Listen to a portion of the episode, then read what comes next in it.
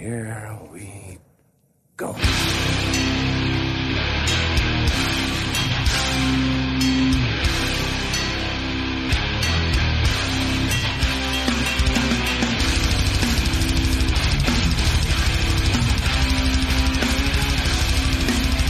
Då så, vi är tillbaka. Ytterligare ett nere på noll avsnitt. 162 år, ordningen. Väldigt mäktigt. Kul att vara här, David. Jag heter Daniel. Robin är Götet. Vi tänkte kicka ett litet intro på det här. Sen ska vi gå in på huvudtemat som är mäktigt. Shield och Drift Apart. Ett split-avsnitt. Kan det bli mer hardcore? Eh, innan- Innan vi går in på det så har vi lite feedback kanske. Förra avsnittet var ju Race Fist. Eh, precis. Fan vilken kung han var, Alle.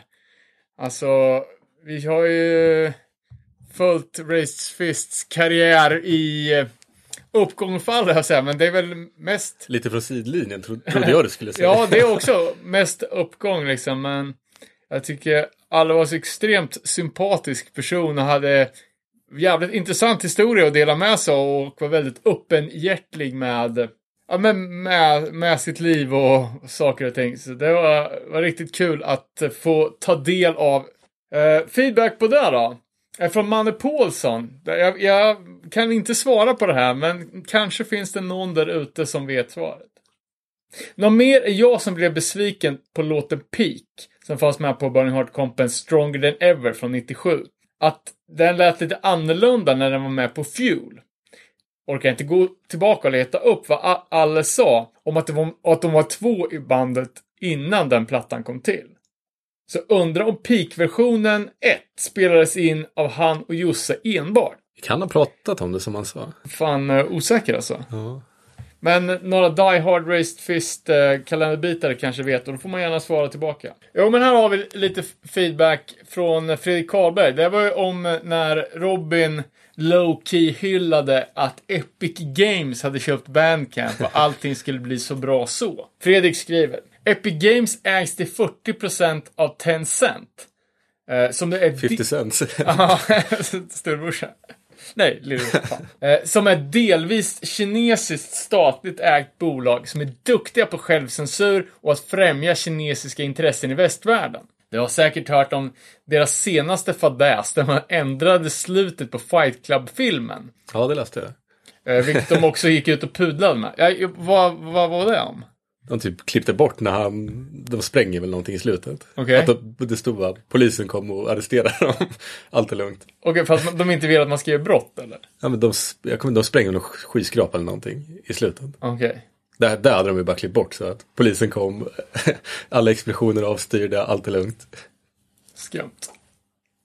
Eh, och det finns även kritik mot deras ägandedel i doktor.se. Och det skickas en, eh, några länkar på de här olika kontroverserna.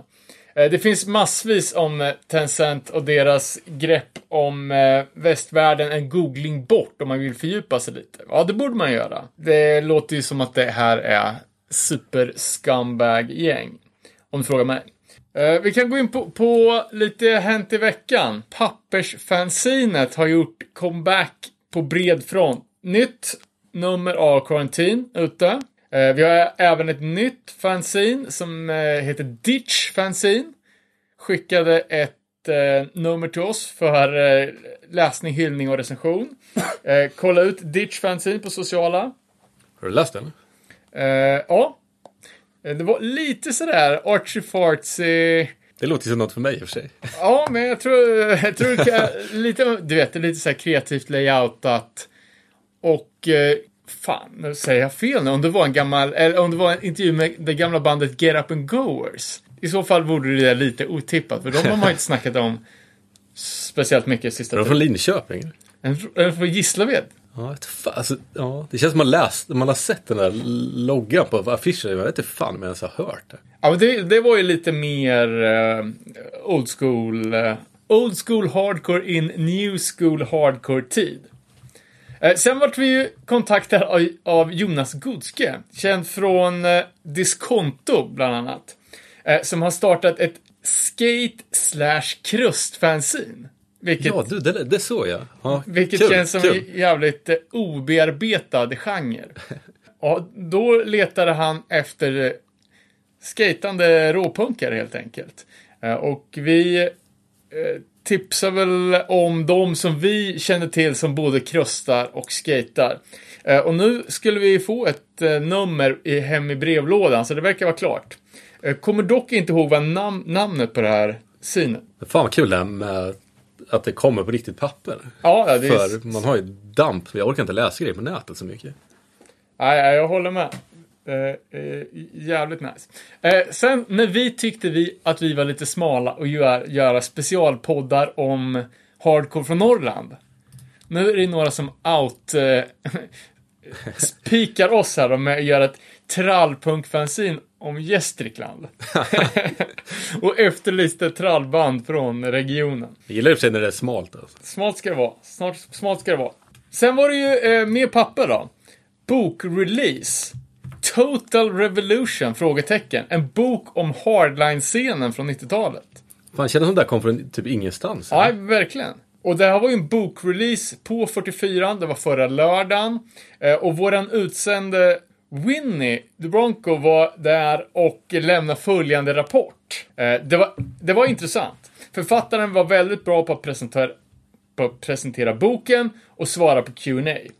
Det var inte så mycket folk, 20 pers kanske. Typ hälften visste vad hardline var och hade koppling till hardcore-scenen. Författare, det, var, det här var ju en... Eh, jag fick, fattade som att det var en amerikan, men det kanske inte var. Eh, Phoenix hette hen i alla fall.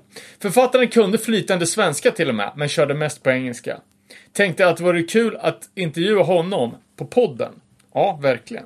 Jag har en gammal Catalyst Records tatuering och när han tog upp det skivbolaget visade jag tatueringen. Det blev lite skratt, men han verkar vara lite tveksam till mig. Eh, det var även en person där som vi känner som kom upp från garderoben och berättade om sin hardline-tatuering.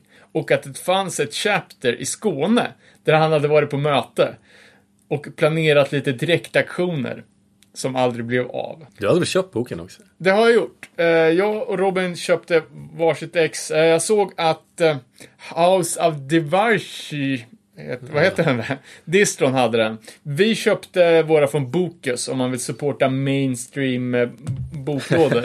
Du har inte läst den än? Ja, men jag hade precis påbörjat en 700 siders om en profet, en svensk profet på 1500-talet. Eh, Så jag måste läsa klart den först, men jag är svinpeppad.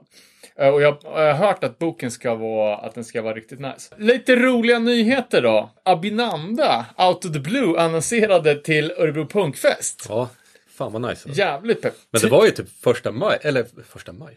Första april. Var det ja, men jag trodde att det var ett skämt först. Ja, fan bra för att vara sant. Men det, det var det inte. Nej, nej extremt eh, kul. Uh, Line-upen bestod ju sedan tidigare av Skumdum, eh, Skräp och eh, som hardcore-akt The Pricks. Eh, är det reunion för dem? Ja, kanske. Det var många som hojtade om att The Pricks var typ Sveriges bästa band och där grejer sist vi snackade om dem. Fett är det i alla fall. Eh, sjukt kul med, med Abinanda på punkfesten. Ännu en Örebro-spelning som är lite mer aktuell. 9 juni kommer Orange County Finest Ignite till Örebro. Fan vad mäktigt. Extremt pepp. Eh, förband Dead Reprise, känn på den. Minst lika mäktigt. Eh, jävla kul. Det blir första giget för oss på fem år tror jag. Kanske med lite nya låtar. Kan bli, kan bli. Eh, vi har dock eh, samma, samma sångare som vanligt, till skillnad från Ignite. Eh, nya plattan är ju släppt. Jag tyckte fan att, att den var riktigt bra faktiskt. Var lite skeptisk när första singeln kom. Jag tyckte att den var ganska bra. Sen, det kom väl några mer låtar. Som jag tyckte inte alls lät så bra. Ignite är, var ju bäst på Call of My Brothers eh, och Past Our Means, men eh, Kanske till och med Veteran. ja, fan, Ignite har gjort mycket bra. Men eh, Och jag lite dåligt. tycker den nya skivan är jävligt bra, men hade nästan varit roligare om det hade varit ett helt nytt band. Eh, hur som helst, kommer bli ett jävligt mäktigt gig. Eh, venue för detta är inte klart än, men 9 juni, eh, en torsdag, boka upp den och alla så att det blir fet singelon. Fan kul att det händer grejer i Örebro igen. Verkligen. Sen har vi då skate-tävling och musikfestival. Värtfesten 21 maj. Eh, kommer vara proffsskejtare som slår ihjäl sig i en fyra meter hög värtramp ackompanjerat av en jävla massa punkband. 21 maj i Örebro. Sen har vi också fått eh, äran att premiärspela en låt av ett av Sveriges nyaste bästa band, Nowheres från Linköping. Och låten heter Don't Look Down. Kommer här.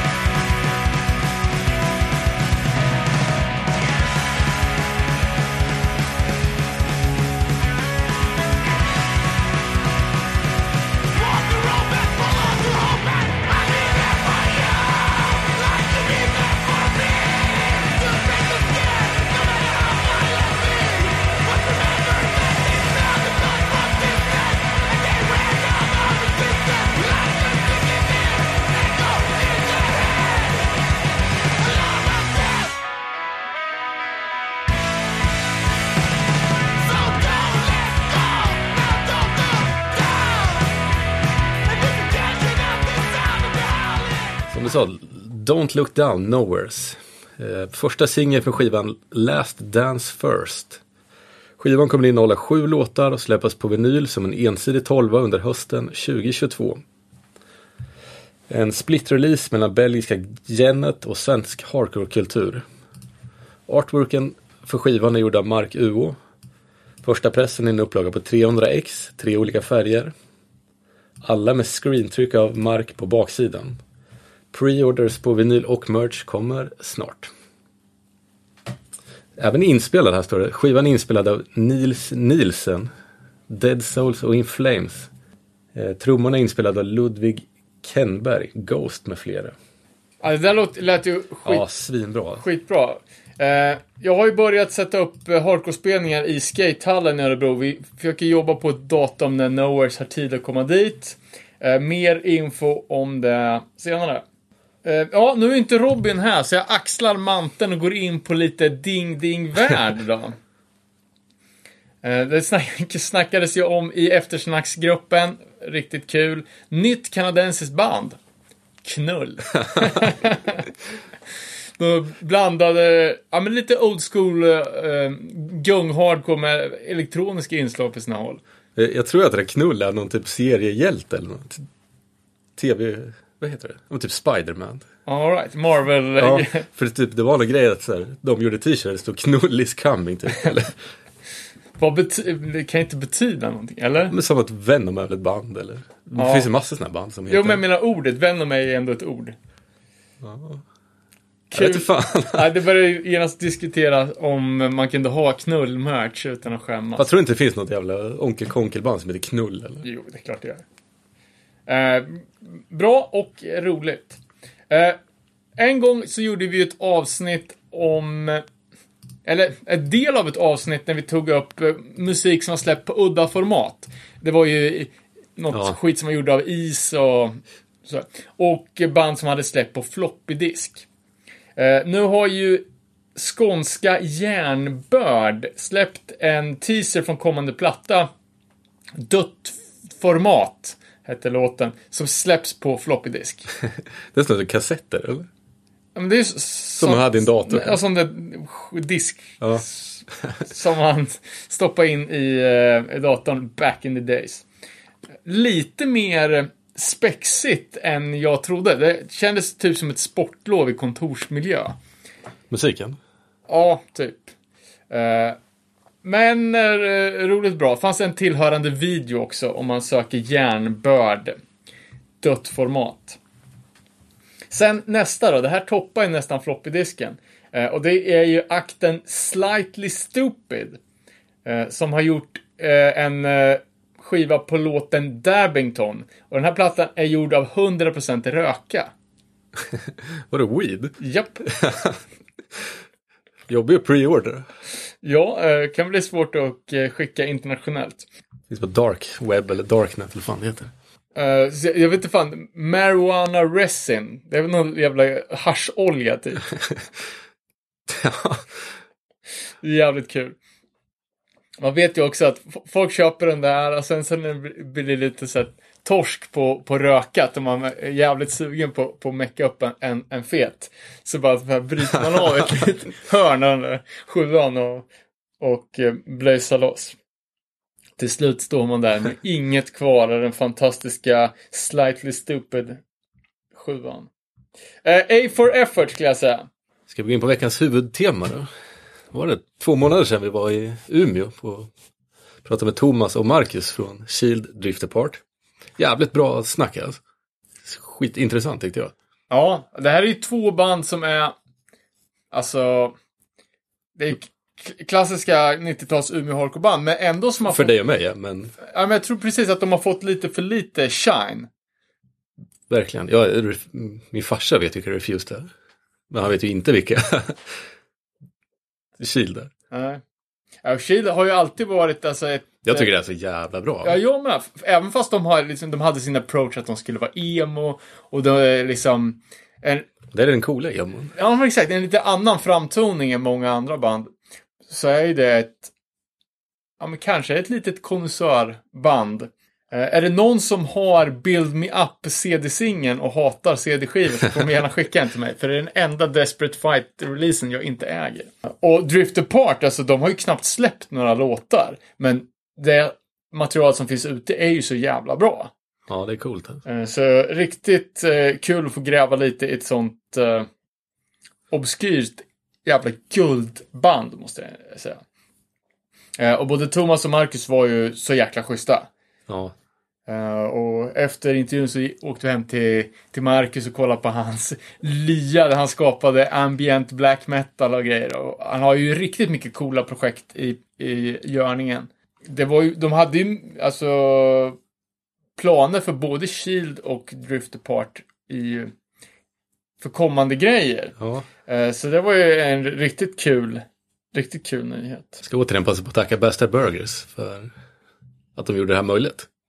Ja, eh, sjukt, eh, sjukt mäktigt att vi fick åka upp till, till att göra den här Norrlandssvängen och det hade ju inte funkat utan den supporten. Ehm, men vi kan väl gå in på intervjun så hörs vi om två veckor igen med något nytt härligt ämne.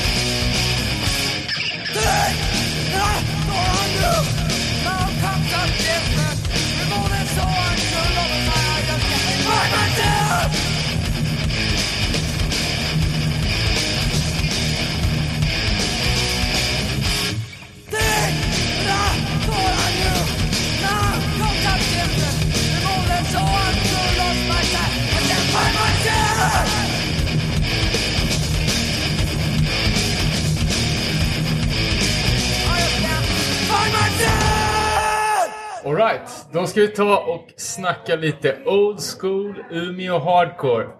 Vi pratar om banden Drift Apart, Shield, Solitude, Leia, Lapdog och kanske några fler. Eh, och med oss idag har vi Thomas Andersson, Hallå? Marcus Eriksson Hallå, hallå? eh, och vi sitter här på Bastard Burgers i Umeå. Första kvällen. Precis käkat lite burgare. Ni kan väl börja från början liksom. Hur, hur kom ni in på, på det här med punk och hardcore? Ja, det är jävligt svårt att veta exakt när det var. Men eh, det började ju med hårdrocken, det gjorde det ju. Man lyssnade på Kiss och, och sådana där band. Och kom väl in på lite hårdare grejer. Anthrax tyckte man var hårt då. Inte så jättehårt, men Ja, bra. ja, men bra. Eh, SOD, MOD och de grejerna. Och sen eh, Suicidal Tendencies var ett favoritband. Så jag antar att det kanske var då, då man gick bakåt i katalogen och fick eh, tag på första plattan. Det är ju en hardcore-stänkare. Så att, Absolut. eh, Och ungefär vilket år var det här? Jag gissar att det var, det kan ha varit 89 någon gång. För jag kommer ihåg att jag hade den här uh, Feel Like Shit EPn. Som just hade kommit med, med Suicide och uh, tänkte att ja, jag måste ha alla plattor med dem. Men sen kan det ju även ha varit alltså, skatefilmer och så här som man uh, ja, såg dagligen. Så här. Det var ju mycket bra musik i dem också. Mm. Men typ runt här 89. Fanns det en etablerad punkscen i Umeå då? Nej, det fanns det väl inte riktigt. Men det var väl som då Step Forward, Garbage Pail Kids och de här Retards kanske också började då. Det började som komma band som var riktigt bra. Och Dennis hade ju det här Umeå Hardcore Records och det där. Som släppte många bra demos. Eh, ja, jag tror det var någon gång då jag kom in på det. Men det är svårt att säga exakt vad det var. Vilken, vilken grej sådär. Var det samma för dig? Eh, ja, men precis. Eh, ja, men för mig alltså, en stor skillnad här är att jag kommer kom ifrån Piteå. Vilket är ju då några mil norr, eh, ganska många mil norr om Umeå. Och där, ah, jag kan väl säga så här att jag kom in ganska sent på punkscenen. Det var så att vi flyttade från Piteå med familjen till Umeå 1989.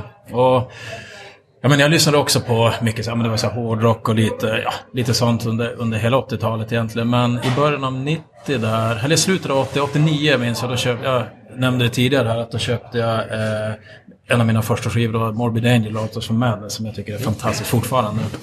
Eh, men sen tog det ändå något år eller två innan jag kom in på punkscenen. Det var lite, eh, ja, det var för att jag började eh, på gymnasiet. Eh, när jag, eller kanske i slutet av nian och början av ja, ettan på gymnasiet typ. Så det var 92 kanske. Så att det är ganska sent ändå om man jämför då med, med det Thomas här beskriver. Så, men eh, eh, ja, de första banden som jag började komma in på, alltså det var ju, alltså, jag hade lite flax där att i klassen som jag gick så gick bland annat Erik Bönström som spelade trummor i Drift Apart, eh, Jani Koljonen, det var, det var en parallellklass, Johan Sellman med flera, eh, alltså som, som var inne ändå i scenen. Så jag hade lite tur ändå att, att jag fick lite, lite free ride där. Så, men de första banden för mig, det var ju, ja, det var ju Suicidal Tendencies förvisso, men sen var ju även ja, men, ja, allt vi har pratat om det tidigare idag också, men Chain of Strength, ja, med mera, med mera, Minor Threat, uh, Uniform Choice, allt. Alltså hela den här klumpen av, av band. Och jag vart ju ganska blown away tidigt, kan jag säga. För att, ehm, ja, det var jävligt, jävligt coolt. Så 92 var det för mig. Lite slumpmässigt sådär ändå. Och när började ni spela musik själva? Vem var först? Oj, Jag tror att du var först Thomas. ja. Ehm, kanske med något Kanske. halvår. Jag vet Erik Wenström som spelar trummor i Drift. Vi, vi växte ju som ja, upp tillsammans ändå. Vi bodde ju typ grannar. Han är i och för sig två år äldre än mig. Men eh, Han hade ju ett band i högstadiet som hette Råkass. Kommer du ihåg det? Ja, jag kommer ihåg. Skjut Lilling. Ja, ja men precis. Det var någon hit som hette Äta bullar och sådär. Det var... Någon typ av punk eller? Ja, ja men det var något Tonårspunk. hardcore punk på, på svenska typ. Ganska weird. Sådär. Jag kommer ihåg de körde Skjut Lilling i aulan. Då stängde de väl av strömmen. Så att, Den var lill. ja, det var en lärare på skolan. Att, eh, och jag fick hoppa in där och spela bas i slutet då de körde. Jag vet inte riktigt vilket år det är men eh, de hade det på högstadiet i alla fall. Eh, kanske runt 90 någon gång. 91. Hedersuppdrag. Eh, Ja men precis. Jag kommer ihåg jag fick hoppa in och jag tror att de inte hade vågat kicka basisten än. För att han, då hade repning. Stod jag och spelade. Nej men då kom jag in som att det var repning som vanligt. Och hit med basen. Och så här dödsmetallkille. Man, Ja ja självklart. Svinrädd gav, gav, gav basen och for hem typ. Eh, Men sen, ja, jag tror de bara slutade. Jag vet inte om det var för att de inte vågade kicka han eller om, om det var något annat. Men eh, eh, ja.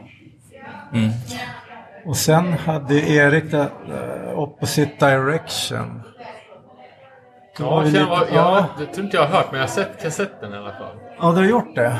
Ja, för de la ju upp någonting på Instagram. Jag vet inte om det var svensk hardcore-kultur eller om det var någon annan. Alltså ett klipp från Mariensgården där de spelar. Och det var ju, alltså Erik spelar bas. Eh, Jampe som sjöng sen i Drift Apart. Han spelade trummor. Så var det ju Lars Norman på gitarr och Folle på sång. Och de kör, ja det var lite mer old school hardcore och på engelska och sådär. Jag kommer ihåg de körde någon bold cover och sådär. Jag tror nästan det var där som Jampe fick smeknamnet Sammy. För det står ju alltid Sammy på alla Drift Apart-grejer, men det är Jampe. Jag för mig det var Dennis och de där som... Ja men en liten som spelar trummor typ. Ja men det ser ut som Sammy i Youth of the Day. Så jag tror det var därifrån han fick det. Det dök ju Eh. upp några helt osedda side-by-side-foton på Instagram häromdagen. Ja, jag såg det. Med Och han är Ja. så sjukt liten, så här 12 år. Ja, extremt liten. Ja. Men alltså, eh, minns ni era första punkgigs som ni gick på då? Liksom? Alltså, live-upplevelsen av punk. Ja, jag kommer ihåg mina tror jag. Det var på Mariensgården. Det var något som hette vårrock och höstrock. De hade som två gånger per år. Och där körde ju men Garbage Pail Kids, Step Forward och Retards Kriminell Karamell och alla de där gamla banden. Så det, det var tror- nog första. Ja, jag tror ett av mina, eller mitt första gig, det var så var det på Athena. Det är ju typ Umeå, fol, äh, Ersboda Folkets hus typ. alltså jag minns, det var, så jävla länge sedan, men alltså det måste ha varit precis Step Forward, Refused äh, övergången där någonstans.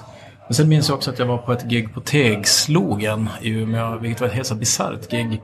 Det var, Ja, det måste också det. varit typ 92, 90, ja där någonstans. Det var... Jag tror de körde två år. Det kanske var 92 och 93 Ja. eller något sånt där. Var, det en lugge? Ja, exakt. Jajamän. Vet schysst gig alltså. Det var väldigt spretigt, spretigt gig. Det var väldigt många olika band. Det var ju typ Refused, Teddy Bears, uh, Unleashed, Tiamat. Uh, Ja, precis. Det var ju något döds... stora bandet? Ja, ja, men det var ju något jaha. dödsband som spelade en video va? På, Ja, på ja exakt. Och Det jo, var så, Unleashed. ja, med Sugar spelade också tror jag. Eh, så att, och jag tror det kostade typ så här 50 spänn, 40 spänn. By no spelade också. med. Jampe på Ja. trummor. Och- Han var ju med där. Okej. Hoppa Spel- in istället för David Sandström. Spelade Brainscourse Puppets också. Jag är lite osäker, jag minns inte. jag Ja, oavsett, jävligt cool spelning och jag minns att ja, Alltså det var typ första gigget, ett av de första giggen som jag gick på. Det var ju ganska sådär, ja, det var ju så sjukt coolt och häftigt. Det var ju som något helt annat på något vis. Eh, Det var som, ja, jag minns det så väl.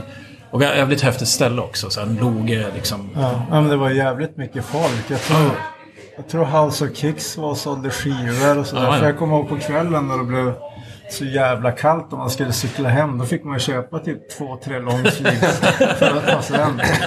Jag köpte en SFA-tröja bland annat. Jag har några minne från det. Ja, jo.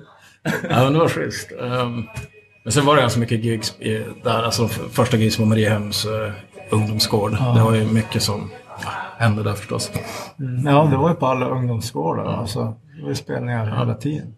Men sen för mig, alltså första band, alltså det var ju typ eh, jag och Magnus Winblad som spelade sen gitarr i Shield och ja, Classic Pride hade han ju sen också.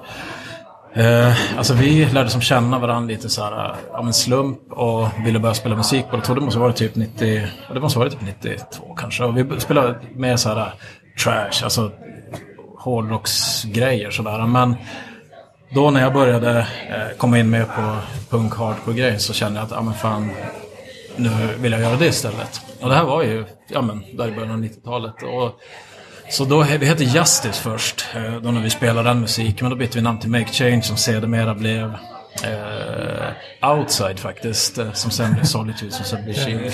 Så att, eh, och det, det var ju typ, så det var mitt första band, det var Justice. Och det är faktiskt en låt på Shields Vampire Song som heter Justice. Den sista låten där, det är en Justice-låt faktiskt. Som vi gjorde där typ 90, ja det måste varit typ 92.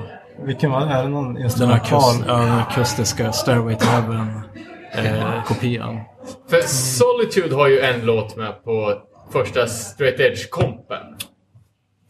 Yes. Är det något av de andra konstellationerna pre-Shield som har släppt någonting? Demos eller komp? Det, ah, det finns, vad heter det, nej, det finns bara så här replokals-demos typ. Eh, från, från det. Så egentligen är ju Solitude, eh, alltså Outside-låten på Straight as Fuck, ett av det första som vi släppte. More or less olyssnat på, från eh, Dennis och gänget som av José de som släppte det. För att det var som lite annorlunda då, på den tiden. Så att det var ju, vi fick ju som släppa den via, jag menar att Erik då som spelar trummor i Drift spelar ju, ja, när han började spela med oss så öppnades lite andra, ja men vi fick lite nya, nya Kontaktmöjligheter. Ja, kontaktmöjligheter precis. Så, att, så det var första grejen som vi släppte egentligen med, ja, med Solitude. Sen finns det några, det finns en livespelning från Mariehem som finns inspelad. Jag har det på kassett hemma, ska vi digitalisera dem någon, någon gång. Där vi spelar med Solitude under, med de gamla låtarna som egentligen aldrig släpptes då. Eh, under namnet, under Shield, eh, namnet Shield då. Låter bra eller? Alltså två av låtarna tycker jag fortfarande... Äh, jag vet inte. Jag, ska inte. jag kan inte ta gift på det. Men jag tycker att det var ganska schysst. Det är schysst. Det är typ så här lite så här tidig 90-tals uh, metal och sådär. Det, är inte, det låter inte som Shield, gör det inte. Utan det är lite, lite hårdare kanske. Men eh, ja, men det är coolt. Ostämt tyvärr. Så Ja, man kan, man kan inte få allt. nej, man kan inte det. Men ehm, vad, liksom, hur fick ni tag i ny musik då, då när ni började? Liksom, alltså, var det gå på spelningar, eh, läsa fanzines och liksom djungeltrumman så? Men beställde man sen via postorderkatalog eller fanns det någon skivbutik här i stan som blev som ett vattenhål? Det var ju mycket postorder var det ju. Det var ju nästan bara... Eller vi hade ju Sids musik, men det var ju inte... Var typ Hade Sins- de någon hardcore från början? nej, ibland. Alltså det var ju när det var lite mer populärt kanske också i stan. Ja, det var ju Eh, sen då det kom CDs och Ja, sådär. men sen var det väl Garageland kanske också. Eh, Men sen var det ju och mycket skicka iväg pengar i kuvert. Eh, Ja, ja, men det var ju bara det man gjorde. Alltså, det var ju så jävla billigt Ja. då också. Man Jag beställde... kommer ihåg, Ja, beställde Chain of Strength, andra sjuan där. Jag tror den kostade 3 dollar och frakten var, då var den typ 1,50 eller något sånt där. Och så var dollarn i 5 kronor. Så att det var typ en 20-25 spänn. Ja. Alltså från Kvar, USA. har du kvar den? Vad sa du? Har du kvar den? Ja, absolut. Bra investering så. Ja, ja, det är det ju. Men jag säljer den ju aldrig. För den är så jävla bra. Så att, eh, nej, men det var bara... Jag kommer ihåg man var och växla pengar på posten och så hade man i kuvert nice. Och så väntar man ett hela halvår. tiden. Ja. Och så hade man beställt en typ eh, Shane Tisha i, i, i medium fick en uniform choice i small. En gul. ja, exakt. Någon annan Man som bara... Ja, nej, men då, vi, vi gjorde bara en enda beställning från utlandet med pengar i kuvert. liksom. Sen kom ju Burning Heart till till Örebro. Då fanns det liksom allt att köpa. Och Då var det från Fat Records. Det tog också så ett, ett halvår. Och sen var, kom, precis som du säger, liksom, att man beställde en sak fick en annan. Jag fick en propagandatröja XL med skit, alltså bara en stor redneck. Så, så här. Ansikte på en redneck med typ white power caps. Och så ett siktkors. Okej, helt omöjligt att bära den här i skolan. Och liksom XL. Nej, men det... Ja, men allt var ju så jäkla mycket svårare att få tag på. Alltså, jag kommer ihåg, bara ett exempel. Jag försökte få tag på MOD-plattan, men det är klart, det är lite längre sedan. Men man var på Åhléns i flera, flera veckor och tjatade. Och så till slut, nej, du, nej, vi får inte tag på den här. Det är helt Det är omöjligt. Caroline, va? Ja, ja, jag kommer inte ihåg. Men eh, då var det bara, ja men, ja men då får jag väl vänta till nästa sommar. Då kanske vi får till Stockholm med familjen. Då kanske det finns där. Ja, det är en viss skillnad alltså. Och det fanns det ju faktiskt. Det var det som var så roligt. Jag kommer ihåg, ja men var på massa skivaffärer och så var det en som, ja men det finns en skivaffär som bara säljer hårdrock. Jag tänkte, vad fan kan det stämma? Det låter helt sjukt. Ja, Heavy Sound på Regeringsgatan. Är det något ni känner igen? Nej, jag kommer vi Sound.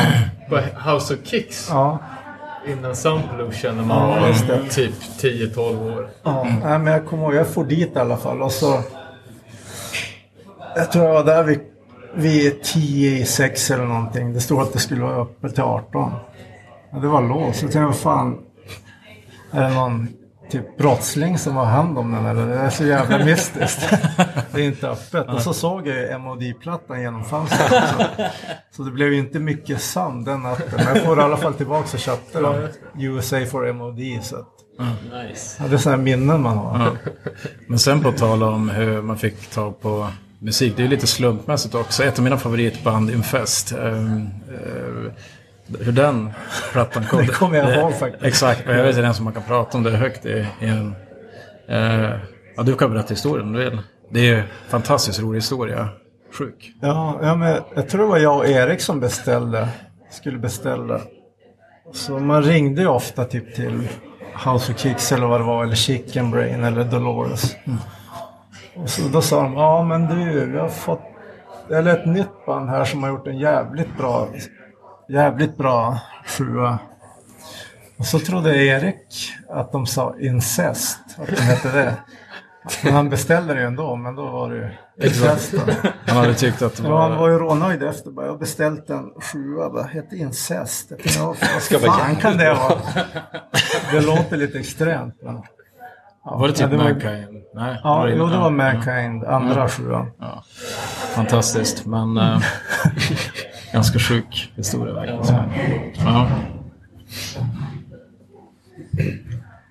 Men någonstans runt de här åren så börjar ju hardcore gå från någon sorts extrem subgenre till typ varje tonårings choice of livsstil. Liksom, hur, kan du berätta om hur den grejen gick till egentligen? Ja, det var en jä- jäkligt bra fråga. Det gick ju så jäkla fort alltså. Eh, Nej, men det var ju som alla i klassen började lyssna på Ja. hard, hardcore. Det var ju, ja, jag vet inte varför, men det var som värsta peppen. Ja.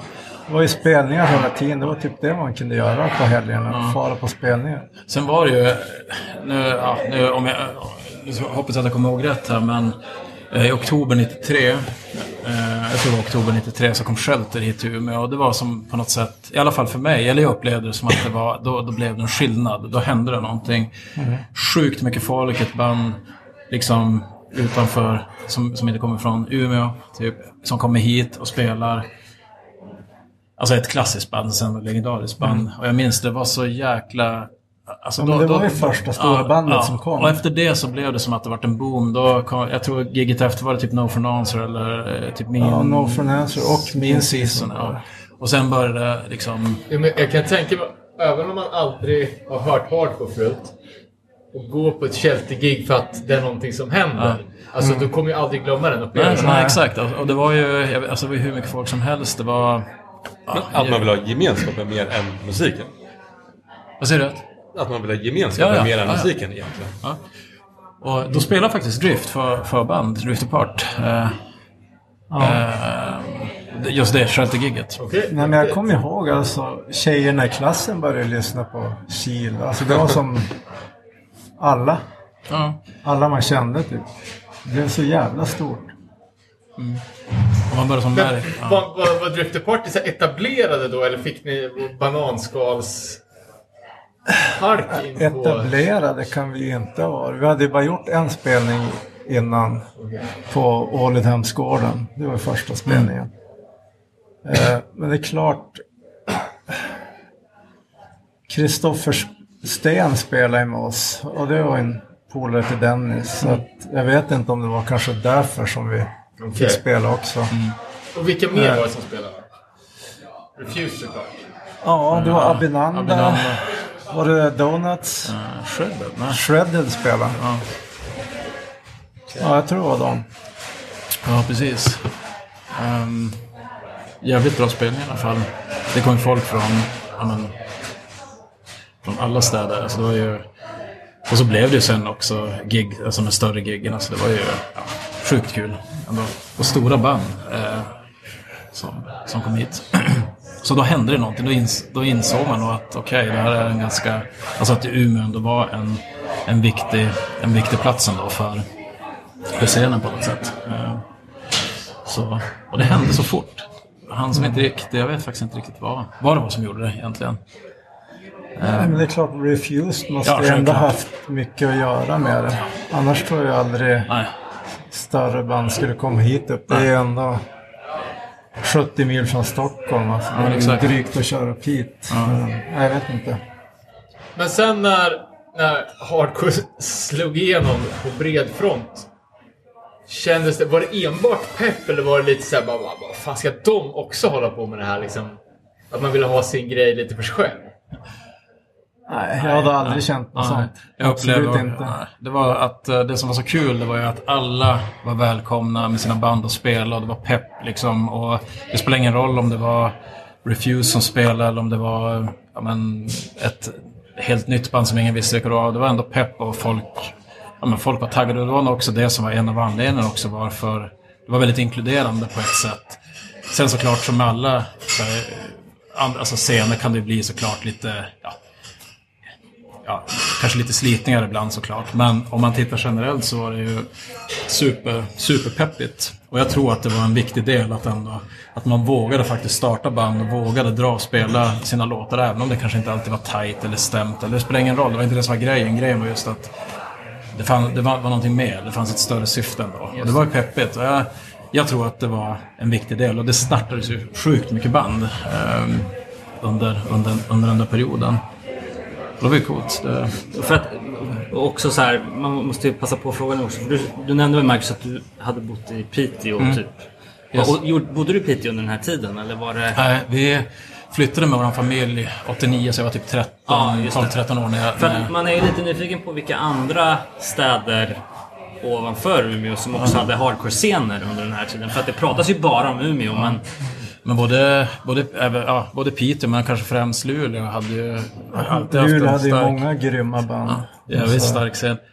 Ehm, jag menar Breach, uh, Race Fist, uh, Better Change. eh, sen har man ju också såklart lite mer indie. Ja, men Fireside och mm. Scene förstås senare. Och, eller senare, de har ju också ja, ganska tidigare. precis. Och så- Superlång. Ja, Scumbag. De Ja. släppte ju på Umeå Hardcore Records.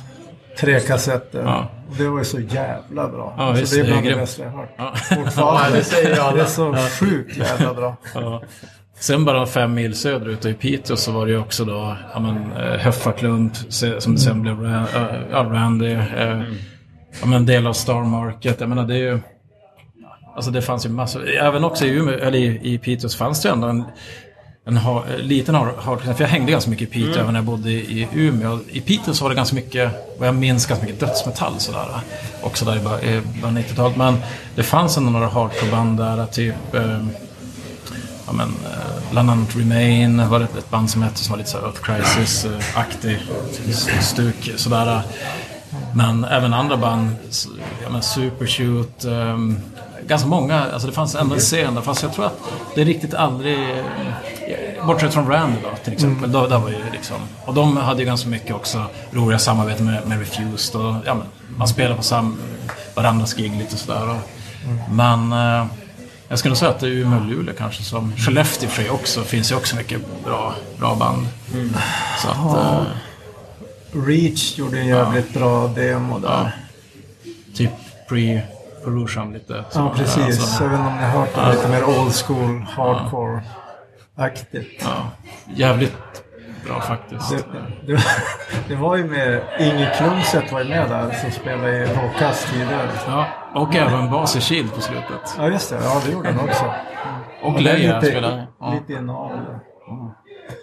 Hade ni någon kontakt med scener från andra delar av landet? Ja, för, för, eh, för mig, alltså för, för Shield när vi började spela, ja, men började turnera och sådär, då fick man ju givetvis kontakt med andra scener, andra band och jättemycket trevliga personer. Så, men eh, så det är klart, alltså, det var ju, jag menar, om man tittar, jag menar, vi, jag menar, så här, Vänersborg, alltså, vi spelade i Trollhättan, så det var ganska mycket schyssta, schyssta band där nere, men även eh, Linköping såklart. Ehm, men eh, det var nog mer att man hängde med folk bara sådär som man lärde känna. Men innan det så hade vi, jag hade nog inte så mycket. eh, Nej, in, inte jag heller. Vi var ju aldrig ute och spelade utanför Umeå. Så att, Eh, Sen Thomas så släppte ni två låtar med Drifter Park på Northcore-samlingen. ja, precis. Var det 94? Eh, 93 spelades 93. in i alla fall. Eh, jag vet inte riktigt när det släpptes men Ja, jag tror Det- det är lite ro- delade meningar Ja. om det där. jag har för mig att förr i tiden gick det väl ganska snabbt att få skivor från, från tryckeriet men jag tror vi spelade in i september 93. Två låtar. Och var de låtarna exklusiva då, eller hade ni tänkt att göra något annat?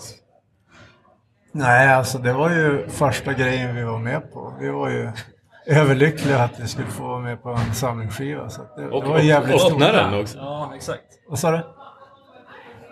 Ja, att, att ni får ju öppna den också. Det är också Ja. ett eh, liksom, betyg på något sätt. Ja men precis. Jag vet inte om det var Dennis som var peppad eller, eller varför vi fick vara först på skivan. Det är jävligt bra låtar, så att det, det borde han ju ha varit. Men kände ni till Burning Heart då? Var det mäktigt att vara med på en Burning Heart-komp? Det kanske inte hade... Jag, jag tror inte ens man visste vilket skivbolag det skulle vara på faktiskt. Ah, okej. Jag tror inte det. Eh, jag kommer inte ihåg vad Burning Heart hade släppt då riktigt. Casserole 7 om det var något Nej, mer. men de hade gjort alltså första Millencolin, första No Fun At All, Ja, första Refused också. ja, just det. Ja. Och Ja. kanske Maryland och något annat obskyrt som jag hade slagit. Men den är ju väldigt tidig, Burning Heart. Precis. Ja, Första Mind Jive ser vi också ett viktigt släpp. ja, jajamän. Och det har... Nej, precis. Det var så. Nej, men det, såklart, det var ju, det var ju superstort. Eh, och på CD också, det var ju som någon grej. Ja, det var ju hur coolt som helst. Och jag minns, för jag har så här lite så här hatkärlek till den där, de där två låtarna för att det finns en liten sån här äh, twist i den här historien. För att när jag började, eh, gick i samma klass då som Erik, eh, som spelar trummor i, i Drift. Jag minns att vi på någon rast där så började, han visste att jag spelade gura och sådär och han sa bara, men fan, jag har ett band alltså, Drift Apart, och så alltså, är du peppad på att spela gitarr där. Jag som bara, oh my god, liksom, count me in, vi kör. Jag gick som och väntade, vad fan hände som ingenting. Och nu kommer vi in på temat, vågar inte säga att ah, men du ska som inte vara med i det här bandet. Eh, vilket var fallet. För då, hips vips så så kommer kom Erik och säger att ah, men nu, vi, vi, ah, fan, vi ska vara med på en samling med Drift, Northcore, svinpepp. Vi ska dra och spela in i Holmsund. Jag bara, eh, jaha men skulle inte jag spela... När ska jag spela in min gitarr också? Nej, men det blev något, det blev något strul typ så... Ja, men det är Stänka som ska spela gitarr. Jag bara, ja, ja, okej. Och så... Och det är en fantastiskt rolig historia för egentligen för att det var lite sådär på den där Jag tiden, visste alltså. inte ens om att du Nej, exakt. Vi, vi, vi snackade om det här för det var inte så länge sedan. Och det är så roligt för att på den, det kanske var lite mer löst saker. Alltså lite grann. Det finns ju andra exempel också i, alltså på samma tema. När bandmedlemmar byts ut sådär lite, lite weird. Så att det kanske var lite så. Men i alla fall, jag minns när Northcore-plattan kom. eh, om det, jag menar, jag tycker att, att driftlåtarna på den, alltså det, jag tycker det är fortfarande sjukt bra. Men alltså hela plattan, alltså det var ju som, som vi pratade om här innan. Att det är ju ja, jävligt...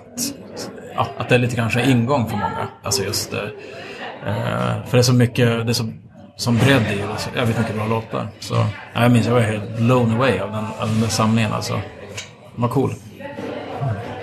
Och den bredden på de här samlingsplattorna hade Burning Heart igen också med sina cheap shots. Det är också en, en Ja. himla berg och dalbana. så här. Men var det, var det liksom... eh, För det kanske vi ska fråga Dennis imorgon i och för sig. Men hur, hur det här begreppet Northcore, liksom, hur, ser, hur ser ni på det idag? Liksom? Eller är det något som ni inte reflekterar speciellt mycket över? Men användes det så mycket? Eller var det bara samlingsskivan som hette det? Ja, det är väl lite, det är inte någon... Det finns ju lite Någon Final också. Ja, Final- Exit-låt ja, exakt. också, men annars var det väl inget Ah. sådär speciellt som Ja, man jag tänkte använde va? mycket, nej.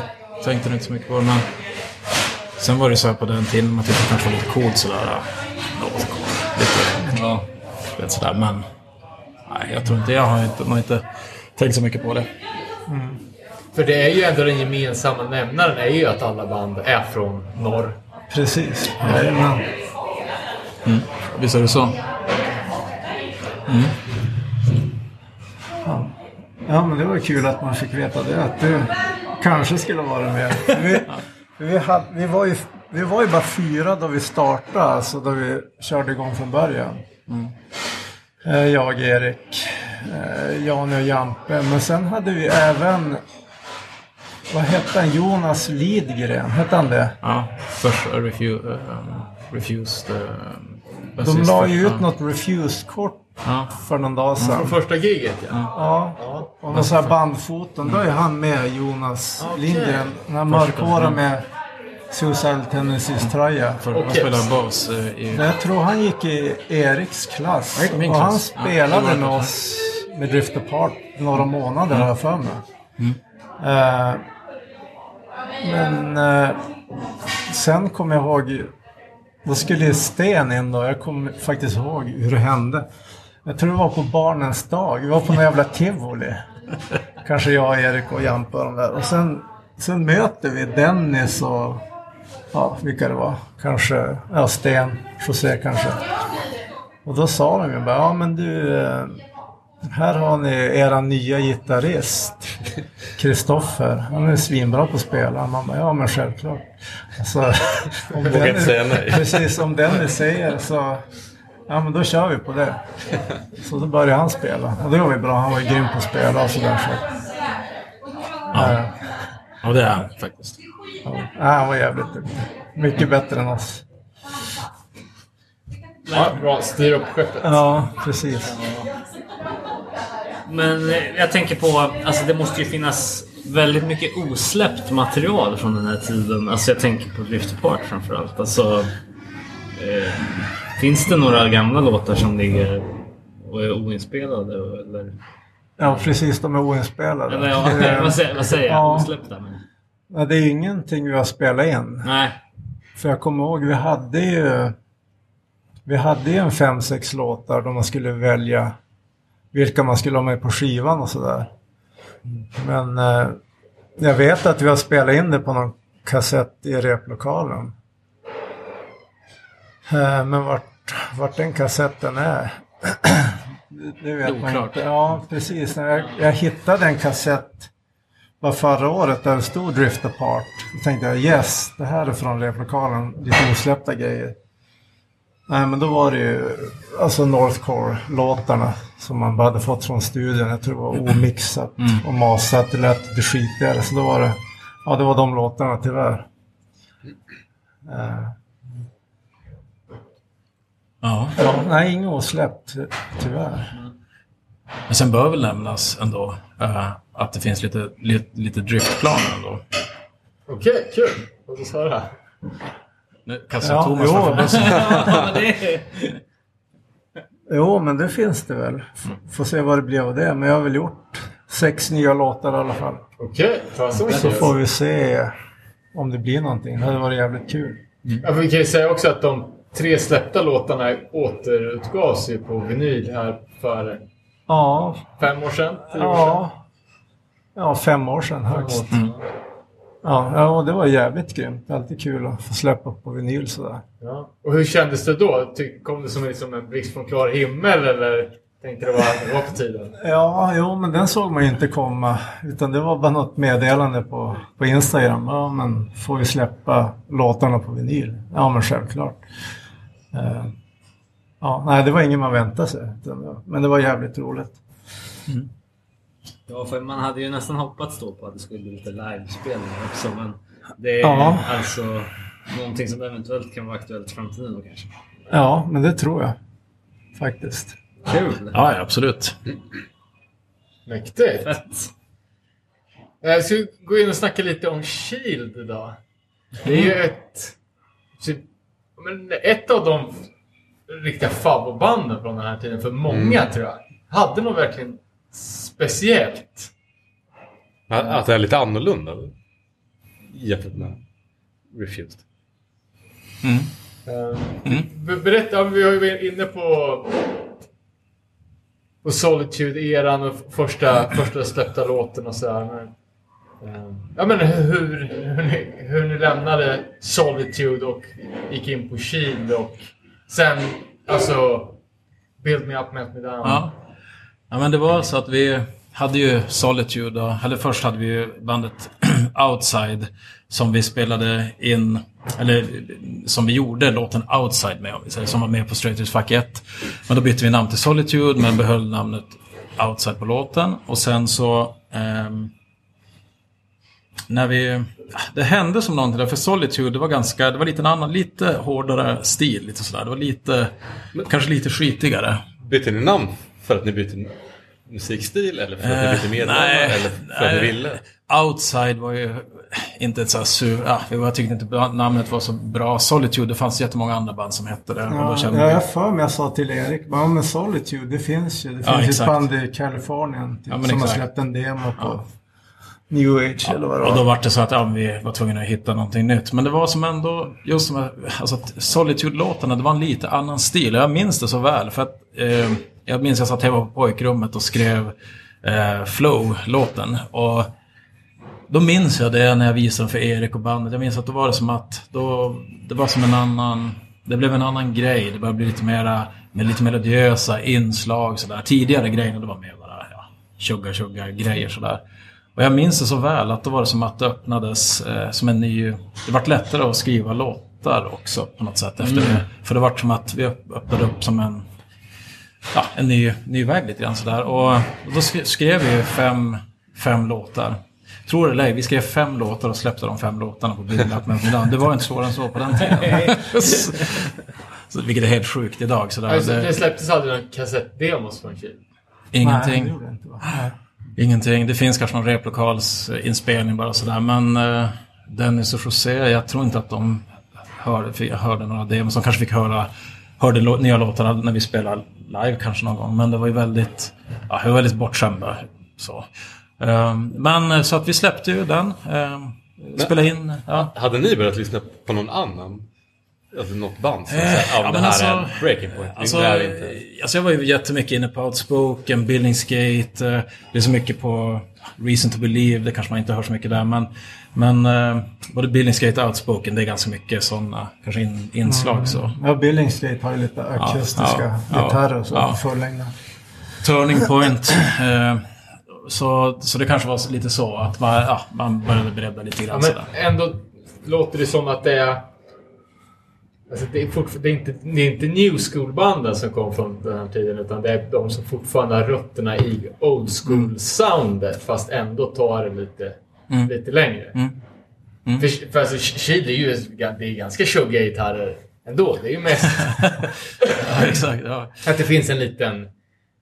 Ja, men det, vet, det som alldeles för ofta tycker jag kallas för emo. Jag vet inte, Shield blir alltid förknippat med emo på något konstigt sätt. Det, Ja, det tycker ja. jag inte riktigt stämmer. Nej, det, jag tror inte vi kallade oss, eller vi var någon riktigt emo och sådär. Nej, men när man så, vi, ser på affischerna då står det alltid såhär Shield, emo, typ. e- Emo-core från, Ja, typ. från Umeå. Men, men att, det, att det finns en liten liksom en melankolisk nerv. Ja. Och framförallt i sång, Ja, jo men absolut.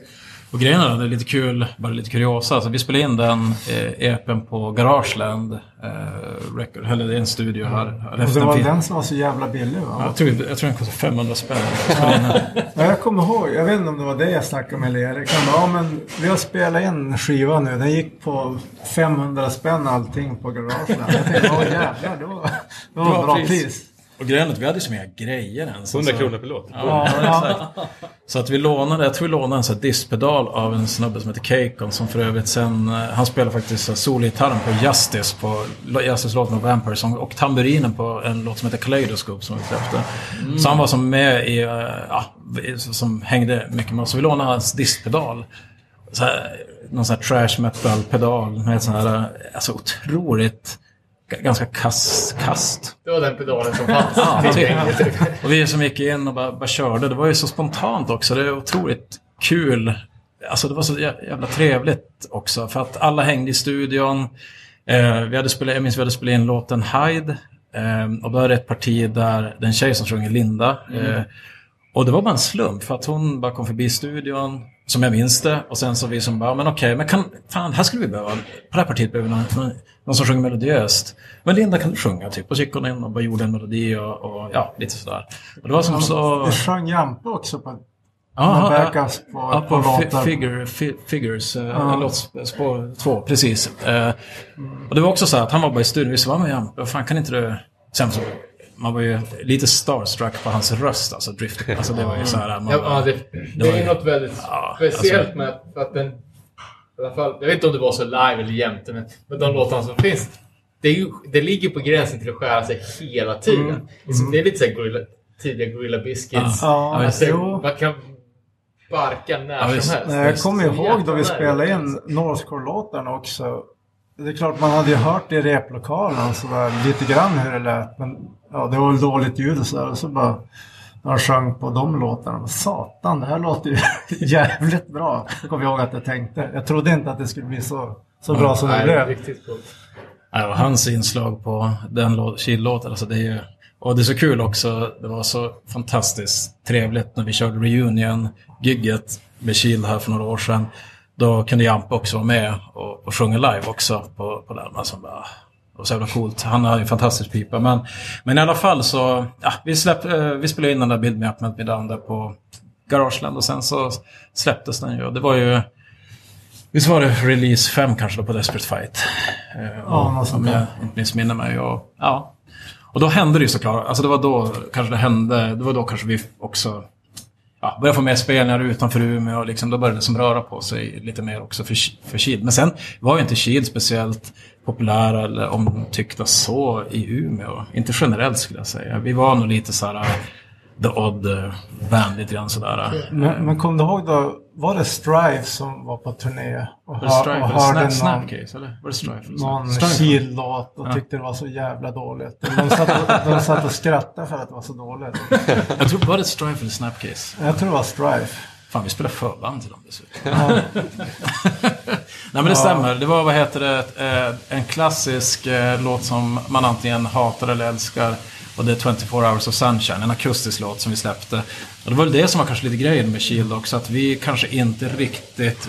Vi, frö, vi bröt kanske lite normer sådär. Vi, och det var fine, vi tyckte det var trevligt och kul att göra någonting annat. Eh, för det handlade inte bara om hardcore punk sådär, utan det var... Eller det gjorde det liksom vad ska vi säga, ja, emotionellt.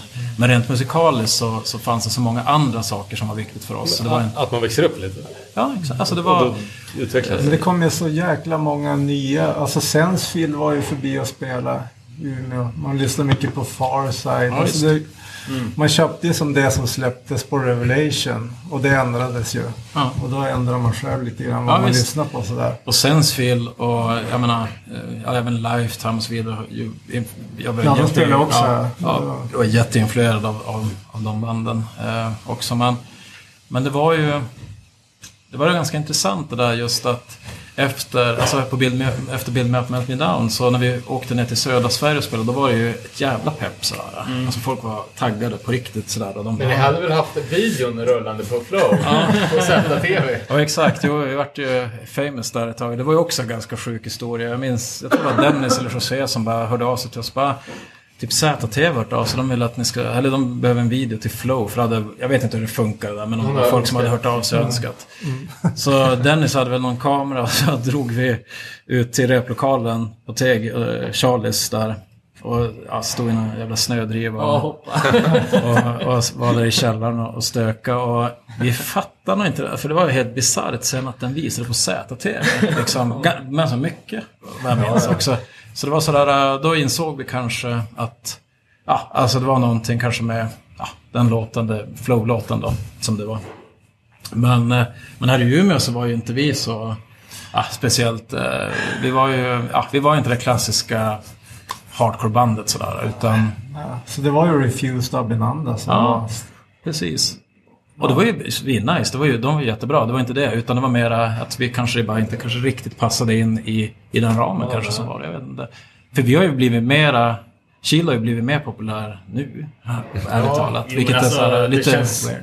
Det känns som att många band på sent Ja, ja. 2000-tal och 10-tal typ, alltså Melin och Omega, många av dem är influerade av Chile. Liksom.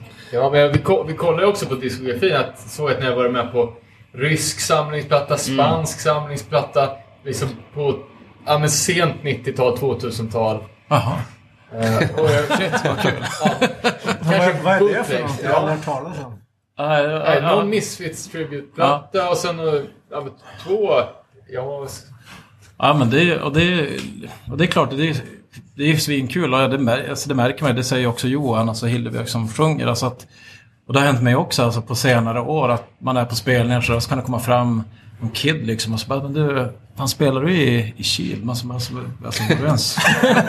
alltså, ja, men jag har sett någon bild så man så bara, shit. Alltså det är ofantligt, alltså det är så smickrande så att det är, alltså just bara, ja, det är så kul ändå att det lever vidare på något sätt. Det är fantastiskt. ja och man, vi kollar ju liksom att... Eh, Mini-CDn är ju det dyraste Desperate Fight-släppet. Och, och köpa den, den kostar ju säkert 200 spänn. Medan Jaha, okej. de andra kanske kostar 20 på CD. Jaha, det var på CD. så. Det, Ja. det finns ju en liten hype. Ja. Eh, Men Kyoto och liksom Vampire Songs återsläpptes på LP och... Ja men exakt. Det, det känns som att det, just kring Shield att det är en liten hype-kult. Liksom. Mm. Och inte bara i Sverige. Men gjorde, ni gjorde ingen reunion-gig i samband med den återpressen 2012 där? Eller Eh, den, Nej, reunion-gigget det var egentligen en... eh, Det var när jag fyllde 40 faktiskt. Eh, Och grejen är att Shield splittrades ju i... Vi var ju inte super, på en superbra plats i bandet när vi splittrades. Och vi pratade, alltså ja, det var ganska rörigt där när vi splittrades. Och grejen är den att när jag började planera min 40-årsfest så eh, snackade med min fru lite grann och, och det kändes som inte, har som aldrig känts bra i magen riktigt med Shield-grejen här för att det var så ol, olyckligt att vi skulle vara, jag menar vi var ju kids, alltså vi var ju, vi var ju ganska unga sådär. Man, ja, eh, så att jag egentligen så, det som hände var det att jag kände att ja, men jag skulle gärna vilja eh, stå på scen tillsammans igen och reda ut det eventuella skiten som var. Så att jag började planera det ett år innan eh, min, mitt 40-årskalas och eh, började med att höra av mig till Johan av en slump, alltså sångaren. Så, ehm, de har stuga norr om, norr om Umeå och han bodde i London då. Men han skulle vara i Umeå under en specifik tidpunkt där jag också var i Umeå. Så att vi träffades ute i hans, stug, i hans föräldrars hus ute vid havet här eh, norrut. Och, alltså det var ganska så här eh, känslomässigt engagerande faktiskt. Det var ganska speciellt. För när jag kommer dit så har hans föräldrar typ ställt ut, som jag minns det, två stolar där ute som på stranden. Där. Och hällt upp lite så här så vi kunde dricka lite grann. Sen satt vi där och snackade. Och jag och han, Johan hade nog kanske inte någon, den största konflikten så. Men det var så jävla nice att bara prata. Och så minns jag att jag ställde frågan, ja, men så skulle du kunna tänka dig liksom att vi kör en gång till bara för att jag fyller 40 liksom. Vad fan trevligt sådär. Och, och få en liten closure också. Och han var peppad. Eh, sen så pratade jag med Per, basisten. Han var också peppad. Magnus, eh, gitarristen vi har spelat i massor med band efteråt. Bland annat ett band som heter Vidunder tillsammans med Thomas. Så att vi, jag visste att han var peppad så han sa bara tummen upp. Och sen så pratade vi då med, eh, pratade med trummisen också då. Och hips vips så hade vi fått till det där då. Så det var det som var anledningen till reunion-spelningen då. Och då vart det ju då började det gå rykten att, det skulle, att vi skulle spela på min 40-års, privata 40-årsfest och då hörde Jakob Arven av sig som körde 090 Umeå Hardcore festivalgrej. Som var då en slump typ den helgen. Så då frågade han om vi ville spela på fredagen för min Just det, 40 det var bara dagen innan ja. ja det. Och då var, Ja, mycket slump. Ja, och, och då blev det så här äh, ganska, det var ganska kul faktiskt för att då började det gå ganska mycket rykten kring det där och det kom ju folk från, ja, överallt ifrån. Alltså det var ju folk från, kommer ett tänka från Serbien, alltså det var helt bisarrt. Alltså jag kommer gå på parkeringen utanför gamla verket där spelningen var. Svävar sen rutan ner i en van och bara, bara Hello, uh, do you play uh, in Shield?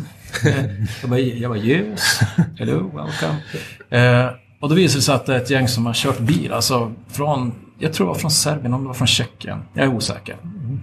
Nå, nå, något sånt. Och Bra jävla... jag blev så jävla peppad så jag bjöd in dem på min 40-årsfest. Så, så då kom de där också, dagen efter. Så det var svinkul. Men det var en lång, en- för att göra, en- det var varit en väldigt lång historia, men, men så, det var anledningen till reunion-spelningen. Så undrar om det var samma som hjälpte Adrian att flytta. Ja, det men jag tror, det jag tror, jag tror, Alltså. jag tror det så, det var så vi kom in på den historien. Ja, Att de ja, där hade hjälpt honom att flytta sen. Okej, vad bra. serber. Vad bra. Ja. Ja, det är bra. Jag med, gjorde ni er sista spelning på Bergslagsrocken? Ja, utanför Umeå så var det den sista spelningen, men den absolut sista det var på Galaxen, va? Mm, jo, det var Eh, var det. Ehm, så... Ja, Ja, för jag kommer ihåg jag såg er, kan ha varit den enda gången, på lastbilsflaket mitt på dagen just på det. Ja. Ja, jag var också där. var det då vi spelade efter, vad heter de, Monster? Vad heter de? Det var Ja, de lider, de lider också på den Ja, ja. vildscenen. Ja, men, ja, men det, det minns jag. Det var jävligt Det, kul. det gick väl bussar va, direkt från Ja. Umeå dit va? Ja, ja. Kommer jag ihåg. Så man åkte dit. Bra spelning. Alltså, Ja, det faktiskt, bra. Ja, det var nice. Um, Siv, Vad var det? Ja. Ja, var det Siv? Texas Cinder is a reason. Rancid. Rancid. Ja, det- Och alla de som var... och allsvenska. Ja. Refused. Ja. Vi delade backstage med Rancid och det var så jävla... äh, Jag vet inte om det är Det lämpligt måste att... du nästan berätta. Jo. Alltså det var så här äh, ganska stökig, stökigt sådär. Vi satt där ett äh, gäng straight edge kids äh, och äh, drack typ saft. och Rancid var, in, det var inte riktigt samma, samma grej utan det var verkligen så här skytteltrafik till toaletten med... Ja, de var väldigt, var väldigt aktiva med, med, med tjejer bland annat. Så där. Och, och varje gång de gick förbi någon som bara howdy. Och vi, vi satt där och drack saft. Och så bara, hello. Typ svinrädda. Ja, det var ganska rörigt men uh, otroligt... eh, det var en jävligt kul spelning. Så. Och sen med Shield, finns det en osläppt platta som... Ja men exakt. Vi spelade ju in en, eh, en del, eller det skulle egentligen bli en, en eh, jag menar att vi skulle spela in en, en, skiva som skulle släppas som heter Sweetest Poetry och eh, vi spelade in den då på Dunker eh, där Straight to Fuck 1 spelades in och även ma- ganska många låtar från Straight to Fuck 2 Kaleidoscope som vi släppte på Straight to Ja, Fuck den, 2. blev, ju- den är bra alltså. Konstigt nog. Skitbra ljud, liksom, var peppigt och vi var så nöjd med Kaleidoscope-inspelningen. Typ, så vi sa att ja, okej, vi, ger, vi kör det, vi spelar in det på Dunker. Och då hade vi lite otur med, med teknikern, som, ljudteknikern, som, eller inspelningssnubben som, som, ja, jag vet inte, det var lite tjorvigt. Jag tror han hade inte riktigt koll kanske på hur man ska skruva in ljud och sådär. Så att det, det lät ju för jäkligt alltså. Jobbigt att man inte har koll på det om man är inspelningstekniker. Jag tror det var, jag tror han typ var någon sån här, typ... någon Plåtslagare. pra- pra- Någon plåtslagare som jag var, nej men typ prao-elev, jag vet inte. Det var någonting. Och det var också ganska bisarrt för att han, han var, alltså det var väldigt, väldigt rörigt. Han hade ett, en, ett foto på sitt barn där. Och då minns jag att jag frågade vid något tillfälle, jag bara, ah, men är det här en unge? Liksom, jag var ju svinpeppad och glad. Och så bara rullar han bakom mig med sin stål, tar stryptag på mig. Och så han bara, fy fan du kallar inte min, mitt barn för unge. Jag som bara, äh, jag bara, fan är det frågan om? Och det var så, vi, satt, vi betalade pengar liksom. Alltså vi var där för att spela en skiva. Ja. Så vi så bara, shit. Ja, men i alla fall så... Men det var, han, var det han som gjorde det här hårdrocksskriket i slutet också? Som är så jävla dåligt. samma, samma snubbe. Kan skrika som Iron Maiden typ. Alltså, Han sa det ju är det det. sämsta. man- Han bara, han bara, jag går in och lägger ett hårdrocksskrik. Vi bara, i helvete vad det där är. Men det är kvar på inspelningen. Man hör på det, så det är så jävla dåligt. Men han... Om vi bortser från honom då i alla fall så, vi spelade in de här låtarna och, och ja, vi vart ju jättemissnöjda med inspelningen. Och det här var ju exakt i samma, i anslutning till att vi hade det ganska rörigt i Shield i bandet också. Så att vi, vi valde faktiskt att lägga ner. Det tog lite udden, eller tog kraften från oss lite grann också. Att det var, Hur lät låtarna? alltså låtarna, det var eh, en helt annan stil än Vampire Songs. Betydligt mera, ganska komplex, eller komplext för det var då kanske. Eller jag kan nog inte spela de där låtarna. Idag har jag försökt ta ut dem, alltså de är så hopplösa för det är så mycket Ah, De var ganska tjorviga låtar sådär. Och det, ja, det, det är ju några låtar är skitbra. Kan jag tycka fort, Eller skitbra, nu är jag ju- ska jag sitta här och, ska inte sitta här och säga. Men, men som jag faktiskt ändå känner vart bra. Men det var lite för komplext. Alltså det blev för, lite för rörigt. Så att vi spelade... Men Alltså låtarna är ju bra, men inspelningen är ju skit. Alltså skulle det varit lika bra inspelning som Vampire Songs. Ja, då hade Då det tror jag skivan ja, hade varit jävligt bra. Ja. Men det som hände det var det att efter den inspelningen så gjorde eller jag eller vi några låtar till ändå som var mer straight forward sådär. Och de spelar vi aldrig in tyvärr. De finns eh, på någon sån här live, eh, när vi spelade sista spelningen i Umeå, då körde vi typ tre nya låtar, lite weird. Att göra det på ett avskedsgig. Men, men eh, de, de skulle man gärna vilja spela in igen. Faktiskt. Så. Kanske blir en Drift Apart Shield-split. Ja, kanske. Mycket bra. Nej, Men jag kommer ihåg Desperate Fight skulle ju släppa några låtar av det. Jag vet inte varför det inte blev något. Och så jag och Johan då som hade Premonition Records där. Vi tänkte, ja men vi, vi släpper det väl på vinyl. Men jag vet inte. Och då pengamässiga problem och så skulle ni sluta och alla Ja. var så missnöjda med det. Så att det, Och det blir det som blev någon- som ingenting. Nej, och det blir som någon mystik över den där jäkla, eller den där demon, alltså eller den där inspelningen. Den typ inspelningen som försvann på något sätt. Jag vet, det, snackades Ja, ganska jag har den mycket. där hemma. Så Ja, jo, nu är det någon, någon, någon eh, bandit som har släppt den på typ YouTube. Och det är ju Jaha. så otroligt dåligt ljud så att det är skämmigt. Ja, finns den där? Ja, jag kanske inte skulle ha sagt det. men det gör den. Men eh, nej, det är ju... Det var lite tråkigt, men... eh, ja, det var det. Så. Men det var det sista som, som vi gjorde, helt enkelt. Så är det. Eh, Men sen Thomas så hade du skivbolaget Premonition Records också. Mm. Eh, Och det första släppet då är amerikanskt band direkt. Ja, Stan Absolut. Teresa från Arizona. Ja, det var ju egentligen en brevvän som jag skrev med, alltså genom Maximum Rock'n'Roll där. Han skulle sälja tröjor och skivor. Och jag ville väl köpa några utav dem såklart. Och så sa han att ja men jag spelar i ett band, har du, har du koll på någon som vill släppa någon skiva?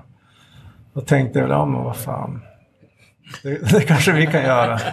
Det var jag och Johan Dahlroth som, som startade då. Eh, jag tänkte för han... Eh, jag tror inte jag hade Stand to Reason 7 innan. För de har ju släppt en singel. På samma bolag som Earth Crisis. Ja, precis. Men det hade man inte koll på då. Utan jag hade koll på att de var med. Det var ett band som hette Counter Punch. Som Ja, var med på Words to Live By-samlingen på New Age. Som, hade, som han hade varit med på. Jag tänkte, ja, vad fan. är Det här låter bra. band Ja. faktiskt. Ja. Jag tycker hela den där Arizona-scenen Mm. är vä- väldigt underskattad. Det finns en, en handfull band Mm. därifrån. Det var väl Step Forward Records och det där. Visst var det därifrån? Jag vet inte vilket bolag det var. Nej. Nej men så, nej men vi släppte ju det där till slut då. Det var kanske lite osmart. Det var inte alla som visste vilka det var här i Umeå. Alltså det var ju lite Nej, det var ju svårt. super- Alltså det var, det styrt. var, ja det var en, jag tyckte det var en jättebra skiva sådär. Men det var lite svår, svårsålt här i Umeå. Ja, nej, jag hade ju haft den där pappvicky-CDn ja, men ända sedan den kom ut. Jaha. Och sen när vi började snacka på Instagram om vinyler liksom, Ja. så bara okej, men så fick jag liksom ihop ett och Ja, ett. ja just det. Att den kom därifrån. Ja. Och att det var ett amerikanskt band. Det hade jag heller inte riktigt fattat från början. Nej, nej, och att det var samma band som man hade på från. Nej, som släppte, på- var det Conviction Ja. Records tror jag? Det Som, är bara- som det är första bara- Earth Crisis All Out War Ja, det är bara de två skivorna som släppte på det bolaget. Ja. ja. Nej, men jag tyckte den var bra. Den fick ju som bra recensioner och sådär. Men det var lite svårsålt i, i Sverige kommer jag ihåg. Men hur många ex gjorde du? Eh, vi gjorde den i 1000 ex tror jag. Så det var ju ganska många. Ja. Men sen släppte du Eclipse 7 också. Ja. Absolut. Ja, men den, var, den tycker jag blev riktigt bra. Alltså, jag tyckte de var Ja, ja. ett jävligt bra band, hela den inspelningen. De tre superbra. låtarna. De spelade in de två på sjuan och den till Straight as Fuck 2. Receiver. Det var ju som samma, Superbra. samma session. Den spelade de in på Garageland där. Exakt. Eh, Svinbra. och den var ju grym. Den, den tryckte vi här, i- här i Sverige faktiskt. Okej. något tryckeri då. Men Jag tror inte det finns kvar. Men eh, man ville ju alltid släppa vinyl så att ja, ja, det var jävligt roligt. Ja. Sen sa vi inledningsvis att vi skulle snack, snacka om det lite underskattade bandet Lapdog också. Ja, okej. Eh, ja, men lite, alltså, jag vet inte vad, ni själva sa att det var för stil, men, men vi fick ju det från den här Salmon som hårt-samlingen. Ja. Och jag köpte den här mini-CDn med hunden i snöhögen. Ja. Och jag, alltså, det var aldrig riktigt kanske min standard cup of tea. Jag Nej. har alltid diggat den på något sätt. Ja, men det är kul att höra. Eh, Och jag tror att det var för att alla de där banden kändes så jävla coola. Ja, men med, med Scumbag Superdong ja. och sen liksom att ja, men Millencolin var med med någon lite sådär. Mm. Det, ja, det var coola, coola låtar och den där Just samlingen var, Millencolin, de körde, de körde en Det är cover cover. med Superdong. Superdong. Precis. Ja. Nej men som det började egentligen, alltså jag var inte med från början i, i bandet utan det var en, eh, en i min klass då i gymnasiet, Kristoffer Holmberg. Som kom någon dag och sa, ja men vi har gjort en demo typ. Jag tänkte, jaha fan, har, spelar du ett band? Jag hade som ingen aning. Eh, jag kommer ihåg, han sa, ja vi ska heta Downcast. Ni också? Ja, ja, då sa jag, nej men du, det, det går inte. Det finns ett band i Kalifornien som släppt en 7 LP redan. Så att, för att komma på något nytt namn kom han dagen efter. Ja, men vi ska heta Lapdog. Ja, okej. In, inte lika bra, men ja, jag tror inte någon heter så kör på det.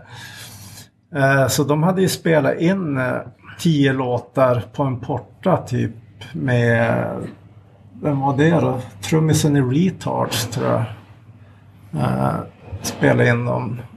Och, nej, men jag tyckte det var så jävla bra så att eh, jag vet inte om jag frågade om jag fick vara med och spela gitarr. Eh, Det var inte så att du kom in på repet och tog där. nej, nej, precis. Nej, det var inte den grejen. Utan, nej, jag tror jag frågade om jag fick vara med för att det är ju lite så här Bad Religion-aktigt och det var ju typ en av favoritbanden. Eller är det väl fortfarande. Jag älskar ju Bad Religion. Blir det inte det. Nej. Och... Eh, nej men så det var bara jävligt kul att vara med alltså, i bandet och repa. För Alex var ju så sjukt duktig på att göra, göra låtar. Melodier, Han- ja. ja. sångmelodier, det är helt fantastiskt. Bra. Men, Ja, vad, vad, har ni släppt? För det, det har släppt en hel del grejer. Ja, vi släppte ju då den minisedeln på Ampersand 95 tror jag. Ja, 95. Var det 95? Ja. Var det typ Eh. andra releasen på Ampersand, eller? eller Ja, Ampersand 2 tror jag. Så, ja. Och eh, vi gjorde ju låtar där. Vi spelade lite ute men det var ju bara mest här i stan. Jag vet inte, det var ju som... det var ju mest metal hardcore. Så vi, jag vet inte, vi passade ju inte in riktigt kanske. Med vad alla andra lyssnar på här. Men eh, vi gjorde ju några spelningar. Vi gjorde låtar till den fullängdare 97. Eh, Men jag vet inte, José ville som hade släppa den. Det gick ju för dåligt, minisedeln. Jag tror den bara såldes i 2500 ex. Så det var ju som dåligt på den Ja, det, tiden. är, det riktigt bra annars. Ja, nu är det jättebra, men då, då var det för dåligt. Eh, så att nej, det blev inga av skivan och eh, ja, men vi tog ett uppehåll. Det var lite problem sådär. Mm. Eh, men sen, ja men vad är det? Kanske runt 2005 så började Alex göra låtar igen och då spelade vi in. Jag gjorde en ny skiva. Eh, så fick vi även göra några låtar till Björklöven också. Okej. Eh, som gick jäkligt bra. Det var säkert typ 200 000 spelningar på Spotify eller något sånt där. Det var, det var en kul grej. Mm. Men vi har ju som aldrig riktigt slutat. Alltså vi, vi håller på än idag. All right. Ja, kan ju folk höra av sig och boka. Ja, absolut. Ja, ja, men vi har ju spelat in en ny skiva. Men det är ingen som har släppt den och sådär. Men, nej, men vi spelar fortfarande. Du då Marcus, har du några aktiva band? Ja, det har jag.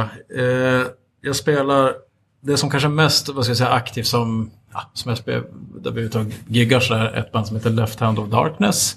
Som är så här lite krust black eh, grej. Eh, med bland annat Fredrik Lyxzén. Som spelar faktiskt trummor i Eclipse. Då det begav sig. Då måste han vara typ 12. Men han spelar, ja, exakt. Men han spelar, han spelar trummor och sen så är det Eh, ja, eh, Fredrik Larsson en ja, snubbe som heter Daniel Oskar som är med också. Så att, eh, och vi, har, vi släpper faktiskt tre, ny, släpper nytt nu. Den 22 februari släpper vi vår första fullängdare. Så det blir trevligt. Det är lite, ja men det är kul ändå. Eh, för att efter Shield så var jag väldigt mycket inne och gjorde väldigt mycket egna prylar, eh, elektronika grejer och sådär. Så att Bortsett från Vidunder som jag, eh, Thomas och Magnus Wimlar hade som var så här krust, eh, ja, väldigt... Typ incest. Ja, ja, aktigt också. Ja. Kör ni incest? Ja, exakt, exakt. Eh, vi, eh, så det var typ det enda. Så jag tycker det var kul ändå att få börja spela i band igen. Lite sådär. Men sen utöver det så har jag ett ambient eh, projekt som heter Ljustörst som jag kör ganska mycket med. Men det är ju ganska obskyr, obskyra grejer. Och så har jag, jag har ett elektroindustriband som heter 90 också. Som, men det är lite, lite halvt på is sådär. Men, men i övrigt så, jag skulle säga att det är Left Hand of Darkness eh, som, där det händer mest. Men sen så hoppar, så har vi börjat spela faktiskt, det måste man ändå göra lite reklam för, gällande Drift Apart ändå.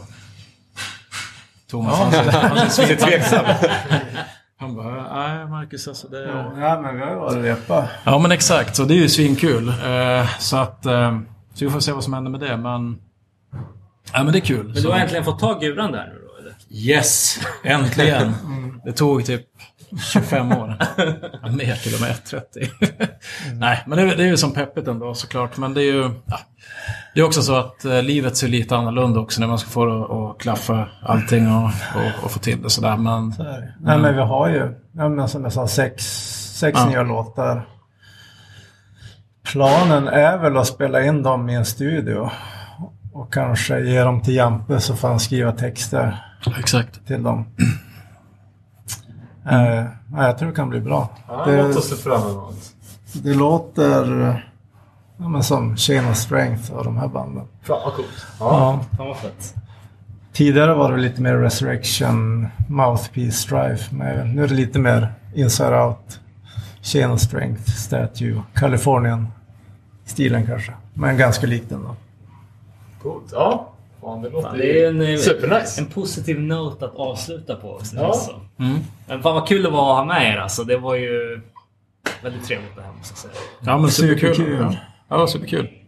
Ja, tack för att vi fick vara med. Det var Ja. roligt.